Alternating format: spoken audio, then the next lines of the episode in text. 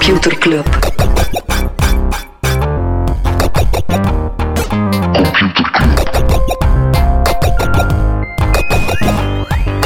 Computer Club. Hey Smally, Hey Freddy, welkom, welkom terug. welkom. Welkom bij Computer Club, een wekelijkse podcast over technologie. Iedere aflevering selecteren Freddy en ik een eh, interessant artikel en presenteren een feitje. Ja, helaas is onze tijd beperkt. Waarom? Goed, nou, we, zijn, we moeten toch altijd eh, serieus selecteren wat dat onze topic Dat is eh, waar. du, du semaine eh, zal zijn. Hè. Dan vallen er altijd dingen af. Freddy, waar gaan we het niet over hebben? Ja, we gaan het niet hebben over het feit dat In- Intel is ambetant Oké, op Ome Joe. Intel, eh, chipfabrikant, of ja, grote, grote techspeler, is een beetje boos op eh, president eh, Biden en dan meer bepaald op de Amerikaanse regering. Eh, daar was eh, in die volle supply chain crisis was er de CHIPS Act aangekondigd, Mhm. wat een fantastisch acroniem is.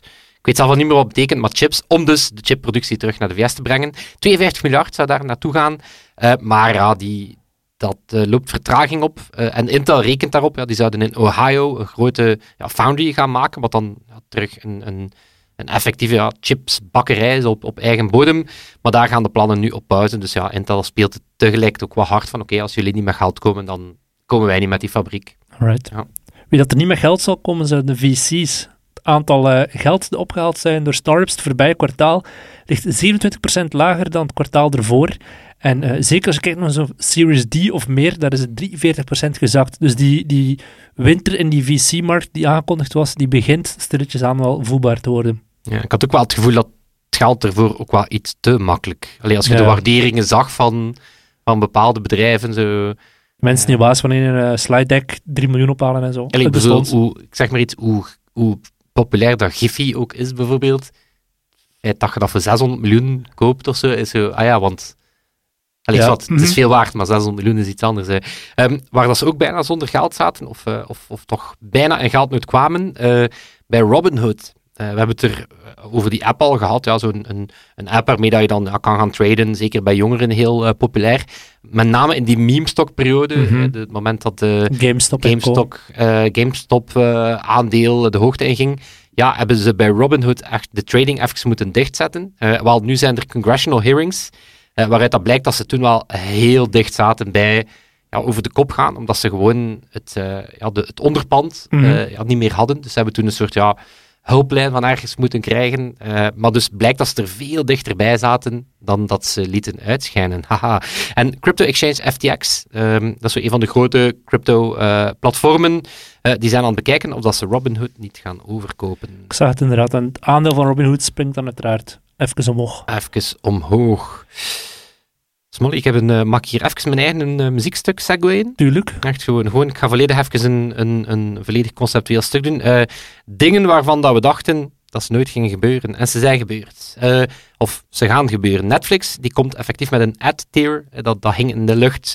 Nu zijn ze ook op de Cannes Lions, op de, een beetje de eh, advertentiehoogmis. De grootste circle jerk ter wereld. grootste circle jerk ter wereld. Zijn ze ook aanwezig? zijn ze ook met een heel aantal eh, brands aan het spreken? En Google die zou in pole position zitten om de regie te doen van de ads van Netflix. Ja. Dat Dus- is meteen zo. En ze hebben YouTube en ze gaan tegelijkertijd ook voor Netflix voor de advertenties. ja, Sorry. is wel interessant. Ook iets waarvan we dachten, gaat het ooit gebeuren? Maar bon, onder alle druk eh, wel. Instagram die gaat met age verification komen. Eh, zowel Mhm. als 13-jarige als als 18-jarige ga je nu, eh, het zij via je identity card of via een video selfie of via social vouching kunnen zeggen dat je zo oud bent. Social vouching eigenlijk gewoon vragen aan een aantal van je volgers van is die persoon. Dus ik beeld mij dan zo'n hoop kinderen in die zo met een valse snor en een, en een bolloetje zo voor die camera zitten. Zo, ja, ja, absoluut. Jantje is zeker en vast 14 jaar. Zeer zekerlijk, meneer. En wat is het verschil tussen 13 en 18 jaar? Dan krijg je dan andere content te zien? Eh, wat 13 jaar mag je op de app, want eronder mag je in principe niet. En dat is natuurlijk Mhm. publiek geheim dat iedereen zich daaraan Dus houdt. al die mensen ja, ja, met een account Jantje voor hun kind. Voilà, dus Ja. die, die 13 jaar is gewoon belangrijk om de app te mogen werken. En natuurlijk 18 jaar, dan ben je eh, legaal volwassen. Dan mag je mannenborsten zien op de app. Mannenborsten, maar geen vrouwenborsten. Daarvoor moet je op Perzik XYZ zitten. Yes. Eh, en dan, eh, om mijn muziekstuk af te, ehm, af te sluiten, geheel een thema met notes. Maar dan niet muzieknotes, maar eh, notes van Twitter. Mhm. Twitter komt uit, al een aantal, het is eigenlijk al vorige week denk ik dat ze mee naar buiten gekomen zijn. Eh, ze, je gaat daar nu eindelijk een soort blog kunnen integreren. Maar dan stel ik mij de vraag, ja, why? Goh, ja, soms zit ik wel zo in Twitter-discussies met mensen, dan denk ik, het antwoord op wat hij nu tegen mij zegt is genuanceerder dan die 280 tekens dat ik krijg. Dan zou het handig kunnen zijn, maar dat is niet de bedoeling ervoor. Maar ik denk, ja, Ja, voor mezelf... het zweeft dan ergens tussen een draadje, zoals dat ze Ja. zeggen, en een medium post schrijven. Ja, dat je zo denkt, oké.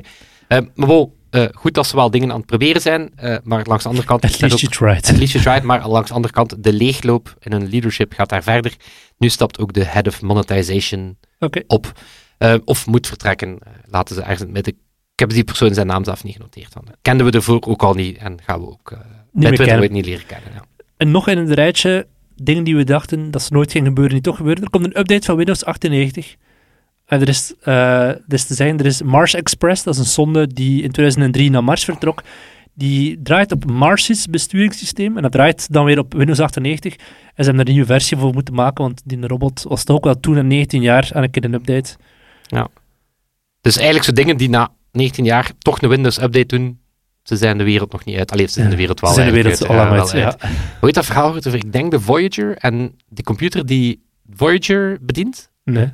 Ehm, dus ik weet niet op welk, ik, ik weet niet, ik weet niet op welk operating system dat die draait, maar er staat er dus ergens bij NASA een computer die nog altijd in contact staat met Voyager. Dat is ook zo'n fantastisch stuk technologie. Dat vliegt nog altijd rond. Bedoel, decennia nadat ze dachten dat dat ergens ging stoppen. Ehm, maar ze zijn, ehm, dus wat, wat is het interessante aan die computer is, daar staat een, eh, een toestelletje dat om de zoveel minuten is op die computer tikt. Want ze zijn super bang dat als die computer in slaapstand zou gaan, Dat, eh, ja. dat, dat ze Voyager kwijt zijn. Dat is fantastisch? Ja. Omdat zo'n, dat, dat systeem omschrijven, dat gaat niet, want dan, dan is het volledig om zeep. ja, het. Dus maar nu is ze gewoon zorgen dat die computer niet in slaapstand gaat. Ja, Geniaal. ja is goed, hè? Nee, ik, ben er, ik heb nog één. ehm, je kan je de vraag stellen, is het geniaal of is het gewoon fucking creepy? Eh als is zeer hoog Black Mirror haalt deze. Amazon Alexa die kan voortaan eh, een stem nabootsen eh, door gewoon 60 seconden audio van die persoon te beluisteren. En ze, worden, ze pitchen het dan als, zo kan je je dierbare overledenen terughoren. Maar zo, why? Why? Waarom zou ik mijn grootvader zaliger willen horen om te zeggen dat hij mijn commando niet begrepen heeft? Weet dat zo? Mhm. Of mij te vertellen, wacht weer dat morgen. Sla links af. Ja. Ja, echt creepy. Echt zeer hoog eh, Black Mirror. Dus was, is het geniaal of is het creepy? Wel, ik heb, is het niet geniaal of is het niet geniaal? De overheid die gaat een... eh, Ik had een vermoeden, Thomas Smulders, dat hij wel nog moest komen. ja, maar dus Ah, vertel me meer. even een recap. Twee of drie jaar geleden heeft eh, de overheid De headset, 50 het gaat over de It's Me headset. Ja. 50 miljoen gegeven om een digitale portefeuille te gaan ontwikkelen, waarin dat dan eigenlijk wat dat hetzelfde is als mijn burgerprofiel, maar dan nog een keer hetzelfde. Ehm, het heet, het kent even nog geen naam door de digitale portefeuille, dat moet in 2024 gelanceerd worden. 50 miljoen budget naar, ze werken er met 70 man op. En nu is dus aangekondigd dat daarin, de login daarvan, dat gaat niet met It's Me zijn, of zal waarschijnlijk niet met It's Me zijn, de overheid wil zelf een concurrent maken om met It's Me te gaan concurreren. Eh, pikant detail in It's Me, de grootste aandeelhouder van It's Me is de overheid. FPIM, het investeringsvehikel van de overheid, die heeft zelf in de tijd, een paar jaar geleden, of één of twee jaar geleden, eh, een slordige 14 miljoen erin geïnvesteerd. Dus die zijn aandeelhouder van een onderneming die ze nu zelf gewoon gaan concurreren met een eigen doel. En natuurlijk met, een, s- met als speelfiguur. Wie anders? met je Michel. En Frank Ah, Robben. En Frankie. En klein Frankie Robben. Eh, het, is, het is echt zo een... Er waren twee scenario's. Er was één waar dat België, nadat ze al met de EID sterk pionierswerk hadden gedaan, hè, hadden ze gezegd, oké, we gaan daar een soort digitaal equivalent van maken. Wij gaan ook de digitale identiteit ontsluiten en Mhm. we bouwen die oplossing en we laten dan bedrijven daarop inpluggen. Weet je wat dat een EID-kaartlezer 2 dan, as you wish. Dan hebben ze gezegd, oké, nee, we gaan dat aan de markt laten. Die, weet je, dat soort innovatieve dingen, dat kan de markt wellicht sneller. En we gaan het niet aan eender welk bedrijf geven, we gaan dat eh, aan bedrijf, de grootbanken, hè, zo. Mhm. Eén van die twee scenario's hadden ze moeten kiezen. Ze hebben er één gekozen, maar zo, waarom zouden na vijf jaar, Ja. zes jaar, Ja, vijf. plotseling dan zeggen ze, ah nee, we gaan toch terug hetzelfde zo. En ondertussen, op het Vlaams niveau, is Jan Jan Bon bezig met de ontwikkeling van zijn datanutsbedrijf. Ik weet niet of je dat nog herinnert. Hij ging een datanutsbedrijf maken. En dat, de bedoeling daarvan is dat op lange termijn 100% een privébedrijf wordt. ja. Dus eh, er ontbreekt precies een visie op de verschillende niveaus. Van waar, wat, wat is nu onze visie? Willen we dingen in privéhanden maken? Willen we dingen, cruciale dingen zelf in handen doen? Yep. Moet u er niet over op, Smolly. Nee, nee, maar dat doe ik ook niet. Want we hebben eh, het zo slecht nog niet. Nee, we hebben het. eh, een andere landen. Klein brugje, klein brugje Voilà. gemaakt. Ik ga mijn Eh, artikel eh, van de week anders presenteren. Ja. Ik heb er al een jingle voor nodig. Oh. Eh, ik even niet- is aan mij? Waarom? Nee, het is En aan dan doe hij een weetje en dan is nee, het nu. ik heb vorige week het weetje gedaan. Is dat? Ja, Oh oh. ik ben dat vrij zeker. Vorige week ging mijn weetje over... Even moeten zoeken, hè. Aflevering. Ja, man, wat kan je nu terugvinden? Ik ga ondertussen verder zoeken. Zoek jij of dat, we, of dat vorige week aan mij was voor een beetje of niet? Anders heb ik weer wel backup. Kan ik iets uit mijn mouse schudden ter plekke? Nee, ik had het, eh, vorige week had ik het tweede stuk en dat ging over smartphone recyclage. Dus ik het heb daar echt toen het, eh, het weetje aan, eh, Oké, aan laten vooraf gegaan. Hè. jij mag ik de spits afbijten. Voilà, de kijk, super tof dat mensen erbij waren. hoe, goed dat wij, hoe goed dat wij afspreken. Soms doen we dat gewoon live in de podcast. Ik ga dus wel nog live moeten een weetje bedenken. Maar Oké, ja, ik ga maar. gewoon nog één stukje kennis aan u vragen. En dan zijn van mij af. Dan neem ik het verder op. Maar heb je ooit al een keer van een panopticon gehoord? Nee, Zeg je dat nu gewoon omdat je eigenlijk stiekem een weetje aan het oplossen bent? Of omdat je nee, nee, nee maar vertel. Nee, panopticon is een, eh, vooral een filosofisch concept eigenlijk. Eh, Jerry Bentham, filosoof, sociale, sociaal wetenschapper. En die had ooit een concept uitgewerkt, dat helaas ook uitgevoerd is. Ehm, dat is een gevangenis, gebouwd in een cirkel met één toren in het midden, waardoor dat je in principe met één bewaker allerlei gevangenen kan in de gaten houden. Dus het is eigenlijk zo het meest schaalbare gevang ever. Maar deel van dat filosofisch concept is, als je die toren, als je daar dan geblendeerde ruiten in maakt, dan hoef je er in principe zelf geen bewaker in te zetten, want die gevangene weet nooit Mhm. of dat er eigenlijk iemand aan het kijken is of niet. Dus het is om maar te zeggen, je creëert eigenlijk een cultuur waarin dat je nooit helemaal weet of dat je, of dat je bespied wordt of dat je gecontroleerd wordt. En zo moet dat toch een beetje aanvoelen als je in, eh, in China woont, denk ik dan. Hè? Want de surveillance staat, daar hebben we al heel veel over gehoord. Ja, als publiek geheim dat de Chinese overheid wel van is, van is een camera te hangen of wat, eh, wat data te gaan, eh, te gaan bespioneren. Eh, maar de New York Times, die is samen met een aantal ehm, gespecialiseerde organisaties, zijn ze door ehm 100.000 overheidsdocumenten gegaan ehm, ja, om te zien hoe ver gaat die surveillance staat. En wat hebben ze gedaan? Het is vrij slim. Ze zijn eigenlijk gaan kijken naar overheidsaanbestedingen. Dus ja, Mhm. de tenders, de RFP's, noem het wat je wilt. En dus de overheid die technologieproviders gaat vragen van, ah, weet je, hebben jullie een oplossing voor ABC? Ehm, dus wat, wat hebben we daaruit ontdekt? Ehm, facial recognition camera's, eh, surveillance cams, die dan ook eh, mensen gaan profilen via gezichtsherkenning. Wel, meer dan, één, meer dan de helft van de 1 miljard aan surveillance cams wereldwijd hangen in China. Dus al mooi geconcentreerd netwerk. Ehm, zal misschien ook niet verbazen, maar de Chinese overheid gaat ook heel datagedreven te werk om te bepalen waar dat die moeten hangen. En ze Mhm. gaan heel specifiek gaan zoeken naar plekken waar dat er heel veel volk samenkomt enzovoort. Ze gaan een, een 500 miljoen camera's, wat er al veel zijn, ook nog eens heel slim gaan hangen. Eh, ook op privéplekken. Ze, ze verplichten bijvoorbeeld hotel, hotelketens om die ook in die, in die lobby's van die hotels te hangen. Ehm, en bijvoorbeeld, om wat te zeggen, in een van de 31 provincies, alleen al zijn er meer dan 2,5 miljard foto's op elk gegeven moment die bijgehouden worden op een centrale server. Dus het zijn er veel. Maar zegt de Chinese overheid, dat is niet genoeg. De, die facial recognition, ja, dat is, dat is nice, maar kunnen we toch meer mee doen? Hè?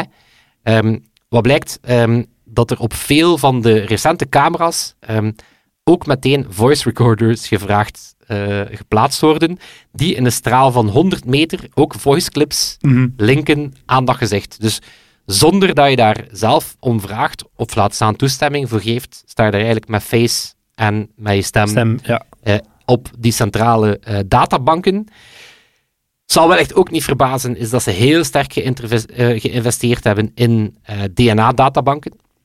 Waarbij dat ze heel losjes omspringen met de definitie van een crimineel. Want ja, je DNA in een databank is iets wat dan typisch enkel gebeurt wanneer dat je een bad hombre bent. Maar vanaf dat je daar ook maar enigszins politiek dissident bent, beland je daarin. Ehm, hetzelfde met de iris-scan bijvoorbeeld. China die heeft de grootste databank qua ehm, ja, qua iris-scans ter wereld. In 25 van de 31 provincies hebben ze zo'n een gedeelde DNA- en iris-databank. Dat is ook, eh, ook heftig. Oké, je face, je stem, je DNA, je oogbollen, niks is, eh, niks is veilig voor het, eh, voor het Chinese, eh, Chinese net. Ehm, maar je smartphones zijn wellicht het minst veilige, want bijvoorbeeld ook in alle 31 provincies in veelvoud aanwezig wat ze wifi-sniffers noemen.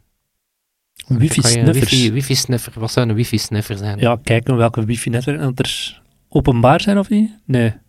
andere richting. Je gaat inderdaad enerzijds ehm, ga je wifi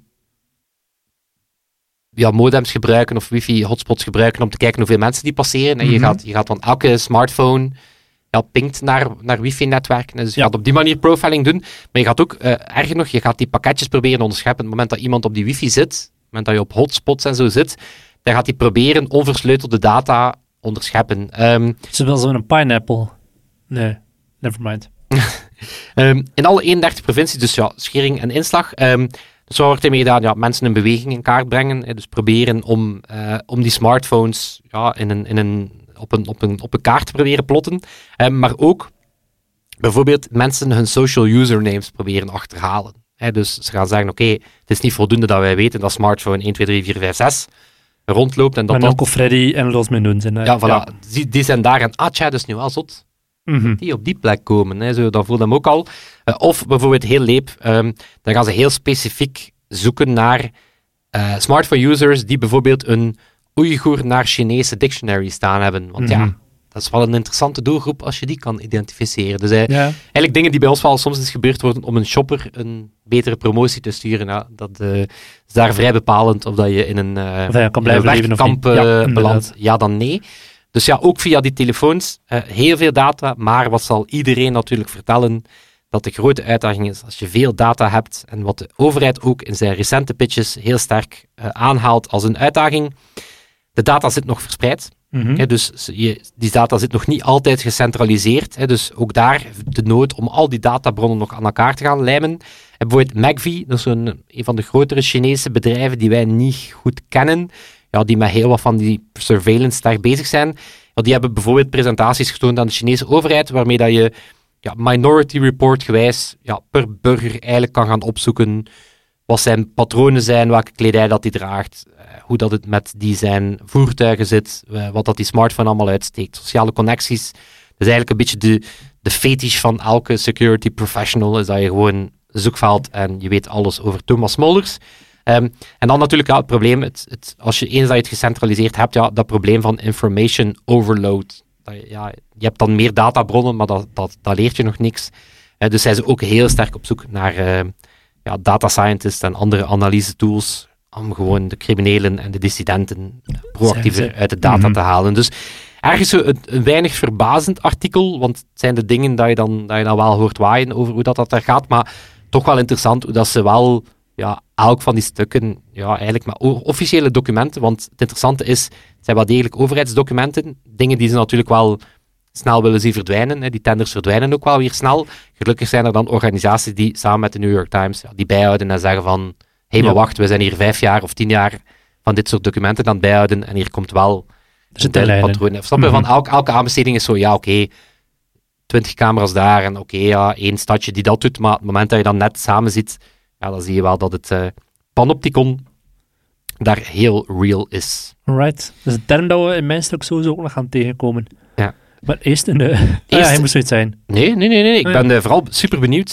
wat mensen niet, niet meegemaakt hebben, behalve natuurlijk ja, de chaos van huh, wie is het en wie doet het, weet je, is dat Smolly zat hier de eerste minuten ja, vrij geconcentreerd op zijn smartphone te kijken. Zo, oh jee, waar ga ik het vinden? En dan na een aantal gevonden, minuten is het... we, gaan, het- we gaan het zien. Ik weet dus niet... Let's do it. Computerklas. Ik weet dus niet wat we het ooit al over dit begrip hebben gehad of niet, maar het is zo'n term. Ik heb het ooit gelezen in een essay en sindsdien zie ik het overal terugkomen. Freddy, die vibe van, we zitten hier op Dok Noord in Gent, je hebt hier een toffe vibe, foodhallen en, en eh, de koffiebars. De koffiebar in eh Oor en de koffiebar van Wij. Hoe zou je die, die vibe omschrijven? Airspace. Ja, Is het airspace? Airspace, Ik, ik weet dat een soort, een soort ik weet niet, als we het er ooit over hadden, dan, ik zweer u dit, dan is het een van de eerste afleveringen, Ja. denk ik. Maar ik weet het niet, hè. Oké, wat is airspace? Airspace is een concept, het is een vibe. Ehm, je ziet heel vaak in koffiebars terug eh, van, die, van die houten paletten als decoratie, eh, zeer zware stalen deuren, ehm, een plantje. Een vibe die je, als je erop gaat letten, overal terugziet. Of je nu in Melbourne zit, of in Parijs, of hier in Het is, inderdaad, het is bijna een soort universele gentrificatie. Ja. Ja, en, de- en die term is gecoind in 2016 in een artikel in The Verge. Allee, is het- toen is het echt heel groot geworden. Die eigenlijk zei van dat is de schuld van Silicon Valley en vooral van in die tijd Foursquare, die ervoor zorgt dat al die plekken wereldwijd, of het dan een koffiebar is of een, of een foodhall of wat dan ook, dat die op elkaar gaan lijken omdat mensen via Foursquare en Instagram en Google eh, op zoek gaan naar plekken die er een beetje vertrouwd uitzien.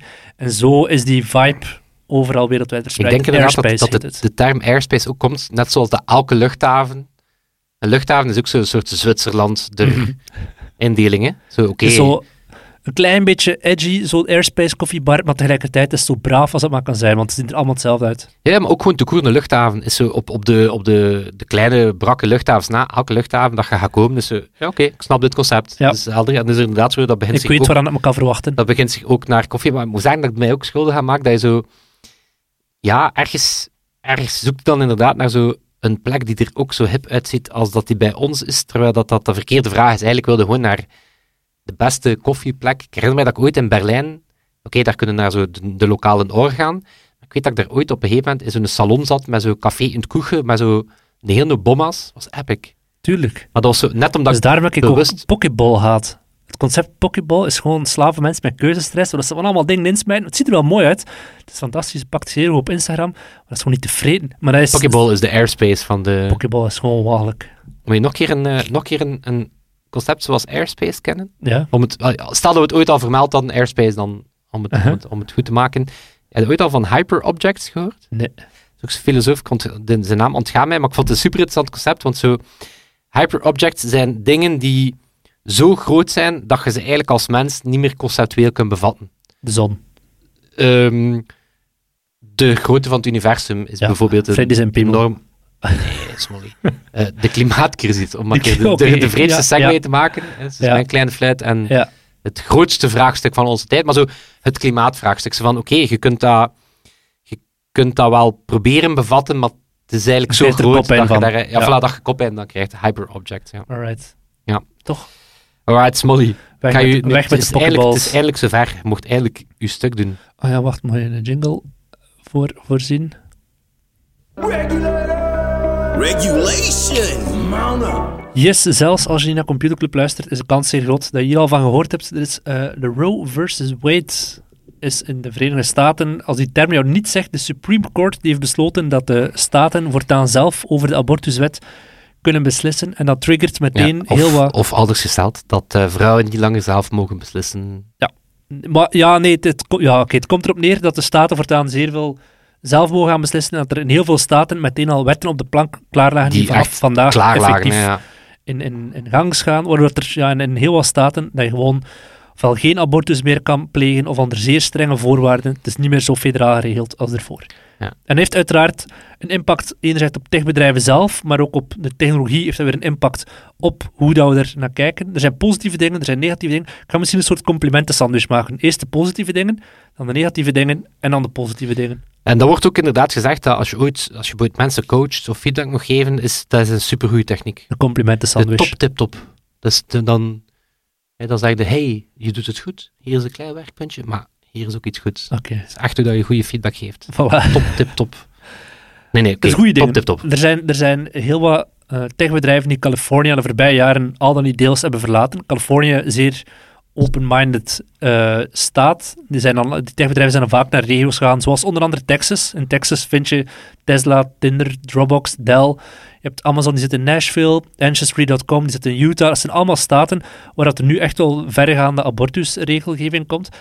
Eh, daarnaast zijn er ook gewoon heel veel werknemers in techbedrijven die van thuis werken en die dan eventueel in zo'n zo'n staat zouden wonen. Maar vrijwel elk groot techbedrijf heeft tot nu toe al gezegd dat ze in zullen staan voor verplaatsingskosten en de onkosten die mensen, die vrouwen zouden dan maken als ze een abortus zouden moeten plegen. En eh, sommigen zeggen zelfs van, kijk, als je wil verhuizen, letterlijk naar een andere staat, no problem, ook dat gaan we coveren. Ja, het probleem is, eh, bijvoorbeeld bij, bij, in, Texas zijn de wetten super strikt. Zelfs als je iemand helpt, of je nu een Uber-chauffeur bent of wat dan ook, die iemand vervoert naar een abortuskliniek of wat dan ook, en ben je zogezegd medeplichtig. Dus ik weet nog niet hoe dat, dat dan zit met een Tesla die openlijk zegt van, kijk, gasten, gasten mensen die moeten, eh, die dat zouden willen of moeten doen. Ja, zij zijn dan ook medeplichtig, ja of nee? Dat is voor mij nog een groot vraagstuk waar ik nog geen antwoord op gevonden heb. Dat is dus het positieve ding. Zijn Heel echt op zoek naar een antwoord op dat vlak? Ja, Ah ja, nee? ik weet niet. Ik vraag me dan wel af van, ja, dat is toch een interessant... Allee, dat gaat juridisch een zeer interessante discussie worden. Als Texas zegt, iedereen die mensen helpt is medeplichtig, dan is ondertussen techbedrijven zeggen, wij gaan je onkosten vergoeden. Ja, het is, wel, het is, het is sowieso wel het dossier waardoor dat grote bedrijven slash techbedrijven, ja, je kunt hier niet aan de zijlijn... Allee, De enige bedrijven die tot nu toe zo echt aan de zijlijn staan, zijn de Walmarts en de McDonald'sen van deze wereld. Die hebben zich niet openlijk uitgesproken van, wat gaan wij doen? eh, niet openlijk uitgesproken, maar wel één die ik, die ik dacht, oeh, pijnlijk, pijnlijk. Meta, die hebben eh, medewerkers nog eens eraan herinnerd dat ze niet over Roe versus Wade mogen spreken. In bedrijfscontext, maar dat is zo het grootste dossier wellicht. Allee, een van de grootste dossiers in het afgelopen decennium daar, en dan ga je medewerkers zeggen dat ze geen mening Ja, mogen hebben of zo. Leave it at home. Eh, no moeilijk, way. moeilijk, moeilijk. Dat waren, wel, wel de top, dat is dat Ja. toch wel veel nu de, bedrijven, maar het is natuurlijk pijnlijk dat ze... de eh, tip gaat vooral, en mensen zeggen, we worden nu teruggecatapulteerd naar 50 jaar geleden, tot die wet nog niet bestond. Nee, je wordt niet worden gecatapulteerd naar een tijdperk dat gewoon nog nooit bestaan heeft, want in vergelijking met nu en 50 jaar geleden is, die data, en je zit er net al, die wifi-snuffers zijn, zijn maar één aspect ervan. Data is op dit vlak natuurlijk zeer, zeer re- relevant geworden voor al die wetgevers. Hebt het over period trackers, eh, vrouwen die in een, in een app bijhouden van wanneer dat ik verklaast met, met, met regels. Ja, je hebt dan een, een tool als Stardust die zegt, dat was zo'n period tracker, die zegt, ja, we zijn geëncrypteerd, massaal veel mensen die app beginnen downloaden. En dan blijkt nog altijd dat zij alsnog data delen met een tool als Mixpanel en zo. Dus zelfs als Stardust dan geëncrypteerd zou zijn, en ze delen data met een derde partij, die dan misschien niet geëncrypteerd is, ja. kan dat alsnog. Maar dat is nu, dat is nu een, een super specifiek voorbeeld inderdaad van een, van een app die ook nog eens ja, maar je kan heel ook... dicht ligt bij, bij de materie, om het zo te zeggen. Ja, er zijn we zouden kunnen zeggen, apps die, die, die, wifi-snuffers, je moet Ah, ja, zelfs geen app hebben. Nee, je kan, je- de, de markup heeft getoond van, kijk, Facebook die houdt gegevens bij van mensen die de websites van abortusklinieken of anti-abortusorganisaties bezoekt. En dan kun je die nadien ja, opnieuw aankopen en voor targeted ads gaan inzetten. Ja, er was zo'n er was zo'n bedrijf, ehm SafeGraph waarschijnlijk. Safegraph, een van die. eh, en die waren toen dat nota uitlekte dat, het, dat, het, eh, dat Roe versus Wade zou, eh, Hm. Ja, zou, zou nietig verklaard worden. die toen al in het gedrang kwam, inderdaad, omdat ze zo'n databroker zijn. En het is gewoon heel duidelijk dat je echt kan segmenteren op. Ja, ja. Voor 160 dollar kun je een dataset kopen van mensen die Planned Parenthood hebben bezocht en eh, weten waar is, wat dan de volgende stap is, waar ze naartoe zijn geweest. Ja, hun werk of hun thuis of wat dan. Ja, weet je dat ook zo een, een, een, een zaak is die, die ook weer eh, welig zal tieren, maar zo misinformatie daarover. Absoluut. En dan echt op twee vlakken. Enerzijds, wellicht de ergste is mensen waarvan dat je weet dat ze een abortus aan het overwegen zijn, ja, Mhm. eigenlijk om de tuin leiden. Want eh, blijkbaar is daar ook een principe dat je dan zo, je loodst ze richting zogezegde abortusklinieken, maar dat zijn dan pro-life plekken waar dat ze je gaan overtuigen Uh-huh. geen abortus te krijgen, want ja, dat is, dat is een eerlijke keuze. Hè. Je manipuleren op je zwakste. En maar ook gewoon algemene misinformatie. Het feit dat er nu, net omdat er zoveel over te doen is, ja, elk brolartikel over onveilige abortussen of mentale crisissen na abortussen ook weer zo. En ook daar denk ik dat daar bedrijven, eh, voor hetgeen dat ik begrijp van mensen die dat wat dichter volgen, ja, ook weer heerlijk onvoorbereid zijn. Want dit is, de generale repetitie is al geweest. En zelf nu is het ook weer zo, ja, ik weet niet wat we eraan gaan doen. Zo, Mhm. wetende dat de publieke opinie op dat moment echt onder hoogspanning staat. Ja. Elizabeth Warren die heeft eh, de Health and Protection Act naar voren geschoven en daar, dat zou dan onder andere databrokers bestraffen als ze medische data verhandelen of doorspelen aan andere mensen of andere partijen. Dus dat is zo een, ja, hopelijk een act die, dan, die, er dan, eh, die dat zou kunnen tegengaan. Ja, Ja. ik, ik denk dat dat zelf bij mij weten, behalve een wet op kinderprivacy, dat zou volgens mij de eerste federale privacywet zijn in de VS. Ik denk dat ze daar een wet hebben rond wat er met kinderdata Mhm. mag gebruiken, maar voor de rest zijn er geen wetten die eigenlijk de privacy van volwassenen. Dus ik denk dat die Health Act zou daar de, Ja. ehm, ja, de vraag zal zijn of dat ze die Dus ja, gestemd krijgen, ja, aangezien dat er wellicht een deel van die Republikeinen die republikeinen er misschien een zijn, ja. mening zullen over hebben. Yes. En dan misschien weer terug naar de, naar de, de, de top. Ehm, ja, het, het andere verschil met 50 jaar geleden is dat we nu ook wel ja, het feit dat mensen met elkaar in contact staan. Als jij vroeger een 15-jarig meisje uit een shithole in Utah was, dan, ja, dan had je alleen maar dit. Nu kun je veel makkelijker één aan, aan eh, informatie geraken. Virtuele doktersbezoeken zijn echt wel een ding geworden sinds corona. Ehm, je kan online de abortuspil, een zogenaamde abortuspil, zou je kunnen bestellen. Maar ook daar zijn er weer mensen die zeggen, ah, het briefgeheim moet op de schop, want dan kunnen we weten wat dat wordt verstuurd, ja of nee. Ook een interessant vraagstuk. En eh, wat ik een heel mooi voorbeeld vind, zijn eh, op TikTok heb je TikToks van, het zijn al vaak vrouwen die wonen in de staat als Californië, die dan zeggen van, ik heb, eh, weet je, wist je dat eh, kamperen nog altijd legaal is in Californië? En na de camping zal je waarschijnlijk goed moeten uitrusten. Ik heb hier een plek in mijn huis waar je toch zeker een week zou kunnen logeren na je camping. Dus dat is zo'n, ja, uiteraard subtiele manier om te zeggen, kom naar hier, hier, hier is het wel nog legaal en ik ga voor je zorgen. Dus dat is dan wel zoiets... Ja, maar dat is tegelijkertijd, shit, ik weet het, maar tegelijkertijd is, kan je dat ook weaponizen in de omgekeerde richting. Ja, tuurlijk, je zou kunnen zeggen... Dat van- de malafide mensen die gaan dan net ook die mensen die, die in, een, in een moeilijk moment zitten, net proberen bestoken met Mm. allerhande doemberichten of zo. Maar bon, Yep. wel laten we wel de beste, wilde eindigen beste proberen. eh. Top, Freddy. ja, Sorry dat je je shit sandwich nee. weer besmeurd hebt. Heel dat verhaal is gewoon echt ziek. Maar zwart, ook hier in Vlaanderen eh, opletten dat er geen... eh, ja, er zijn al politici die, die daar eh, maar al te graag ook in zouden meegaan. Ja, het voelt, eh, het voelt een beetje als terug gecatapulteerd worden in de tijd. Maar dan wel met de alle moderne technologie Yep. en alle voor- en nadelen van die, van die bedrijven. Heb jij een Segway? Ik heb geen Segway meer. Je hebt geen Segway meer in u? Nee? Heb jij nou... Moet ik, moet ik gaan zoeken? Ik weet het niet, ja, om onze amigos te bedanken. Hè? Ja, maar we zijn dus vandaag ons feitje van de dag vergeten, maar wie dat we nooit gaan vergeten, dat zijn uiteraard onze amigos Toon en Sebastiaan. Goeie redemption arcs, Bam. Molly. Goeie redemption arc, op, eh, zowel op vlak van deze Segway als het weet je dat je misschien vergeten waard. Maar het was sowieso goed. Airspace, love it. Inderdaad, ja, onze amigos. Toon en Sebastiaan. Sebastiaan, die deze week de edit doet. eh, op je kunnen ook altijd rekenen. Onze vrienden van de show. vrienden.computerclub.online. Ehm even terugkeer trouwens, dankzij onze verjaardag, dankzij In The Pocket, mochten we 200 posters weggeven en die zijn allemaal verstuurd. Dus de mensen die meegedaan hebben aan de wedstrijd, die gaan die normaal gezien eerstdaags in hun brievenbus Zalig. wachten. Of wellicht zal het niet in de brievenbus kunnen, dus verwachten een briefje van Bpost. We zijn er geweest, we hebben zijn gezien dat er thuis geweest. was, we hebben toch weggelopen. Ja, dus wellicht hebben ze zelf niet geprobeerd om het in de brievenbus te steken, maar such is Bpost. Ach ja. En dat zal het zijn. Tot volgende week. Yo. Yo. Computer Club.